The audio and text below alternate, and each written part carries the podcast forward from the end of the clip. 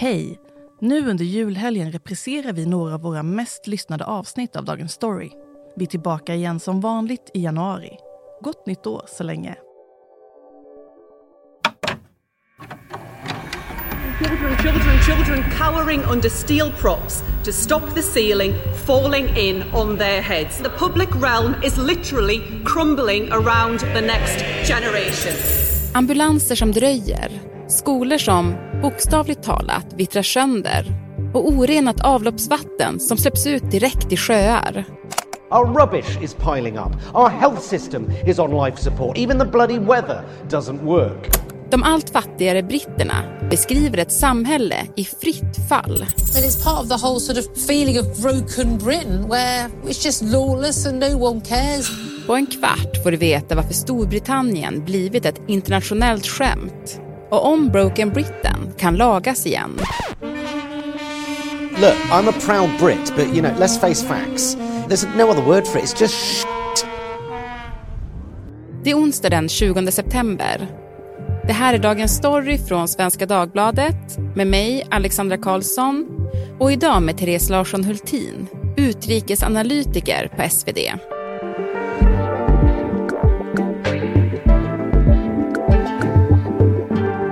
Therese, du är här för att prata om hur jävligt allt är i Storbritannien just nu. Vilket intro, ja. Jo men det är sant, det, det är jag faktiskt. Ja, precis. Det är också ett jobb. Det är det. Ganska kul jobb. Ja. Och du har med dig eh, några braskande rubriker från senaste tiden som lite illustrerar detta. Mm. Och det har ju varit väldigt många så det här är ju verkligen bara ett axplock. Är livet i Storbritannien verkligen lika illa som siffrorna antyder? Ja, det är det.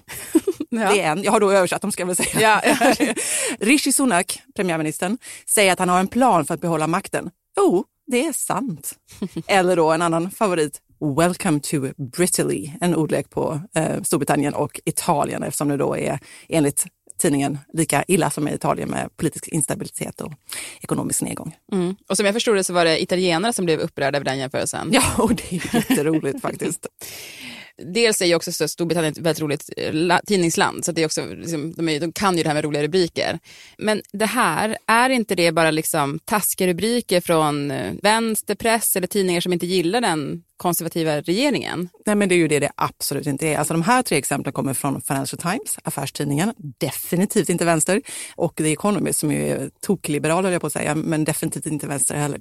Så att nej, det är, man är precis lika medveten på högerkanten som på vänsterkanten om att saker och ting går åt fel håll.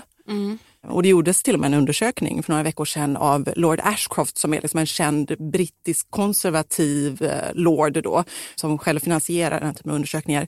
Som visar att 72 procent av britterna tycker då att det, landet är trasigt, mycket håller på att falla sönder och att man blir fattigare. Och 58 procent av de konservativa svarar samma sak. Så att mer än, än hälften av då Tories egna väljare känner så. Ja, det är ju väldigt mycket. Mm. När jag har tänkt på Storbritannien de senaste åren har det varit den här instabiliteten i vem som styr landet av många olika liksom ledare. Men jag har liksom inte hängt med så jättemycket kring tillståndet i Storbritannien ändå. Skulle du kunna hjälpa och liksom måla upp en bild av vad det är som gör att britterna beskriver ett sånt här samhälle i förfall? Mm. Det är ju det att det är på så många plan. Dels är det då den här politiska instabiliteten som du var inne på. Sex stycken premiärministrar på fem år, varav tre det senaste året. It is clearly now the will of the Parliamentary Conservative Party that there should be a new leader of that party and therefore a new Prime Minister. The worst PM in history. I cannot deliver the mandate on which I was elected. I am resigning. It is the greatest privilege of my life to be able to serve the party I love and give back to the country I owe so much to. Otaliga fler finansministrar och, och andra ministrar som har bytts ut. Men sen så rent konkret så håller ju landet på att falla samman. Jag överdriver just där, men, men, men till exempel skolor, där har man ju då varit en jätteskandal de senaste två veckorna där man har använt en typ av billig betong som vittrar sönder och har en livslängd på ungefär 30 år. Och så, äldre än så är många skolor nu så de börjar falla sönder. Så de har panikstängt 150 skolor för att taket håller på att falla in. Och samtidigt har man konstaterat då att det, är, det här betongen används på många andra ställen, sjukhus, offentliga byggnader överhuvudtaget. Du har tåg som är ständigt sena eller överfulla om de alls går. Du har strejker. Eh, jag såg en strejkkalender eh, som från i vintras eh, där det var liksom alla strejker som var under en månad och det var liksom många, många strejker varje dag och det har ju fortsatt under hela året.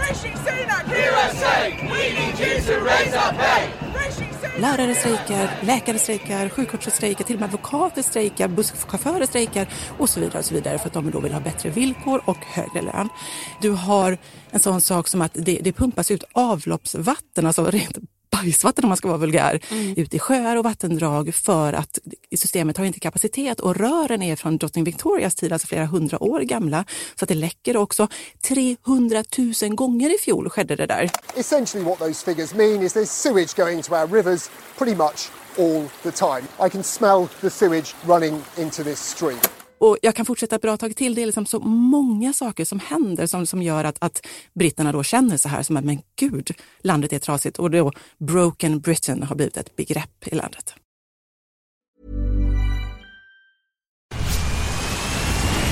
Where's that dust coming from? Still finding debris after vacuuming? Eufy X10 Pro Omni Robot Vacuum has 8000 PA of powerful suction to remove debris deep in carpets and it's totally hands free. Want to know more? Go to eufy.com. That's EUFY.com and discover X10 Pro Omni, the best in class all in one robot vacuum for only $799.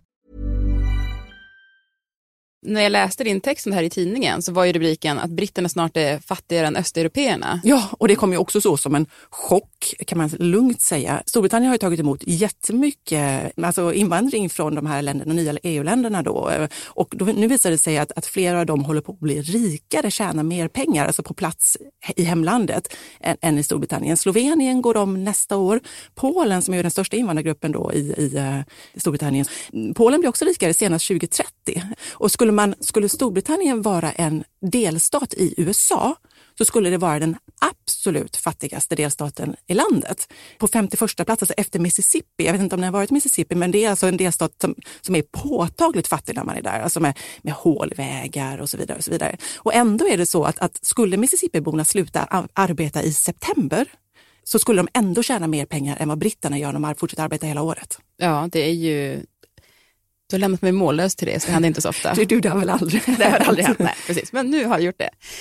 Men liksom det, um, det här har ju gått så långt nu att, att Storbritanniens andra största stad, Birmingham, gick i konkurs häromveckan. Mm. Och det, det där låter ju väldigt dramatiskt. Mm. Eh, och innan någon börjar skriva ett mejl in och säga att eh, städer inte kan gå i konkurs, så rent faktiskt har de ansökt om skydd enligt paragraf 114. Ja, okay. men, men kon visst är konkurs, för det är alldeles för, det är alldeles för tekniskt. Eh, ja, det har den gjort. Eh, det är liksom miljardunderskott i budgeten.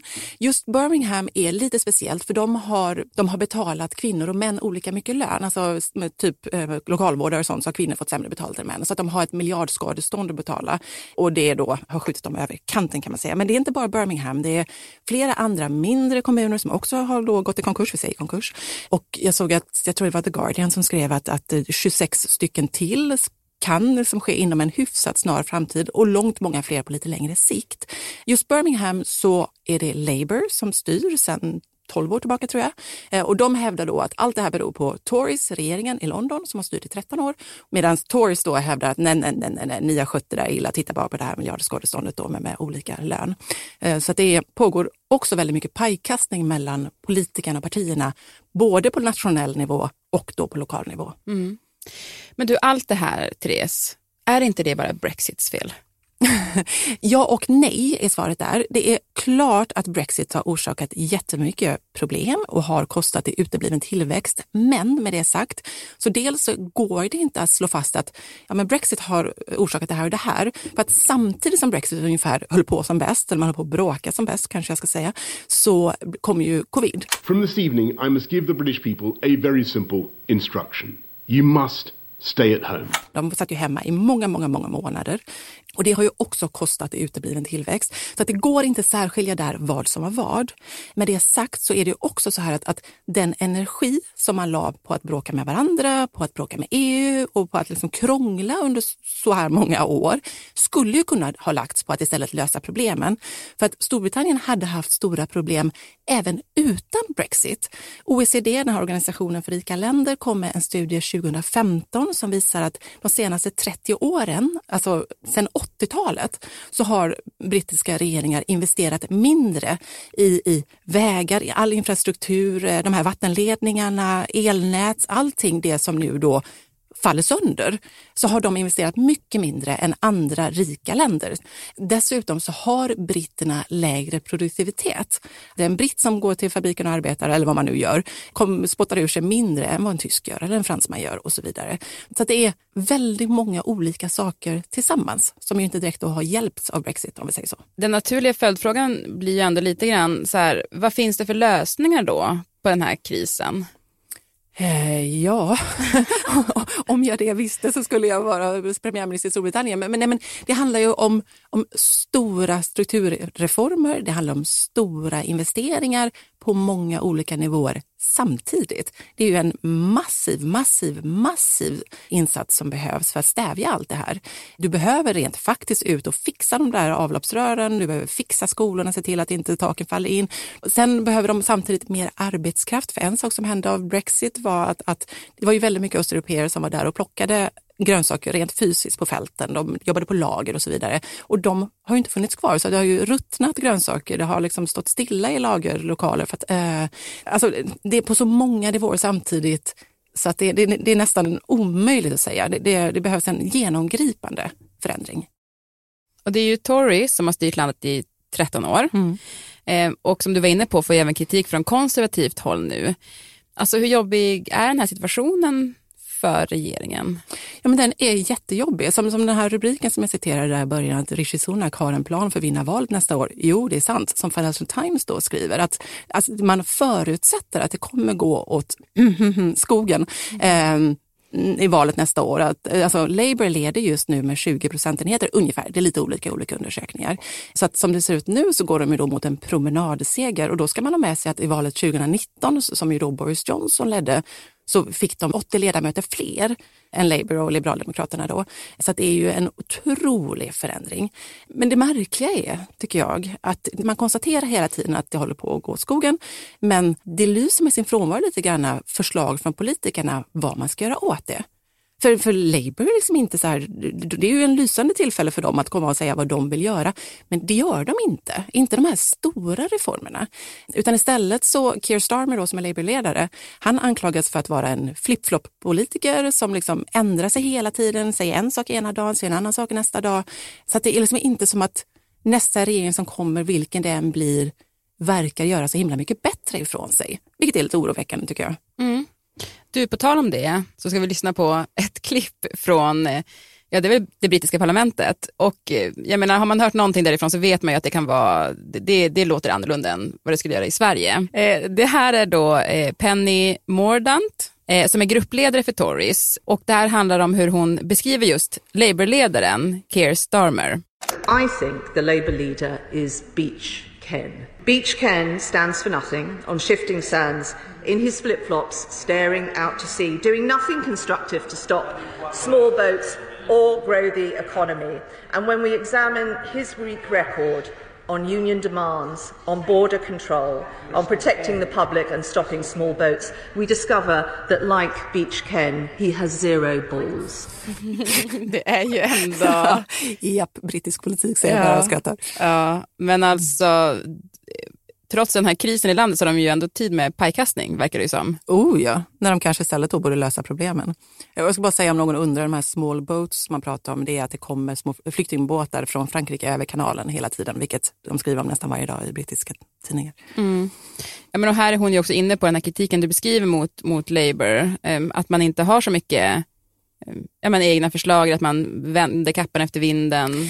Precis, och just nu så liksom, det är inte bara det då att de inte kommer med förslag, något parti då framåt, utan de har också fullt upptagna med att liksom skylla och ta reda på så här, vems är felet? Ja, Tories har styrt i 13 år. De har gjort jättemycket neddragningar som inte alltid har varit så genomtänkta samtidigt som de har, de har höjt skatter. Det är det högsta skattetrycket sedan 1945 efter andra världskriget och de har spenderat jättemycket pengar. Det är inte problemet, men de har spenderat på saker som väljarna gillar som är populära istället för då gräva upp alla gator och byta ut rör. Men Tories behövde ju också spara för att Innan dess var det 13 år av Labour-regeringar som spenderade som galningar och ökade statsskulden och så vidare. Så att de är lika illa båda två på något sätt. Så att eh, ja, det bästa vore att de slutar kalla varandra för namn och istället börjar som rulla upp armarna och göra någonting åt problemen. Tycker jag. Mm. Ödmjukt här hemifrån. Ja, precis. Men du, till sist bara, alltså det här låter ju väldigt deppigt allting vi har pratat om. Finns det några ljusglimtar? Det är klart det finns det i Storbritannien.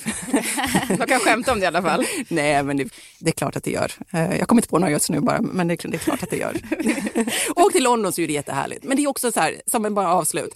London är en sak, resten av landet är något helt annat. Åker du från, lämnar du sydöstra hörnet och åker upp till nord, nordöstra England så är det ett helt annat universum.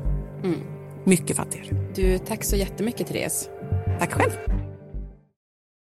Och producent idag var Daniel Sävström och redaktör Stina Fischer. Och vill du kontakta oss så mejla till dagensstory.svd.se.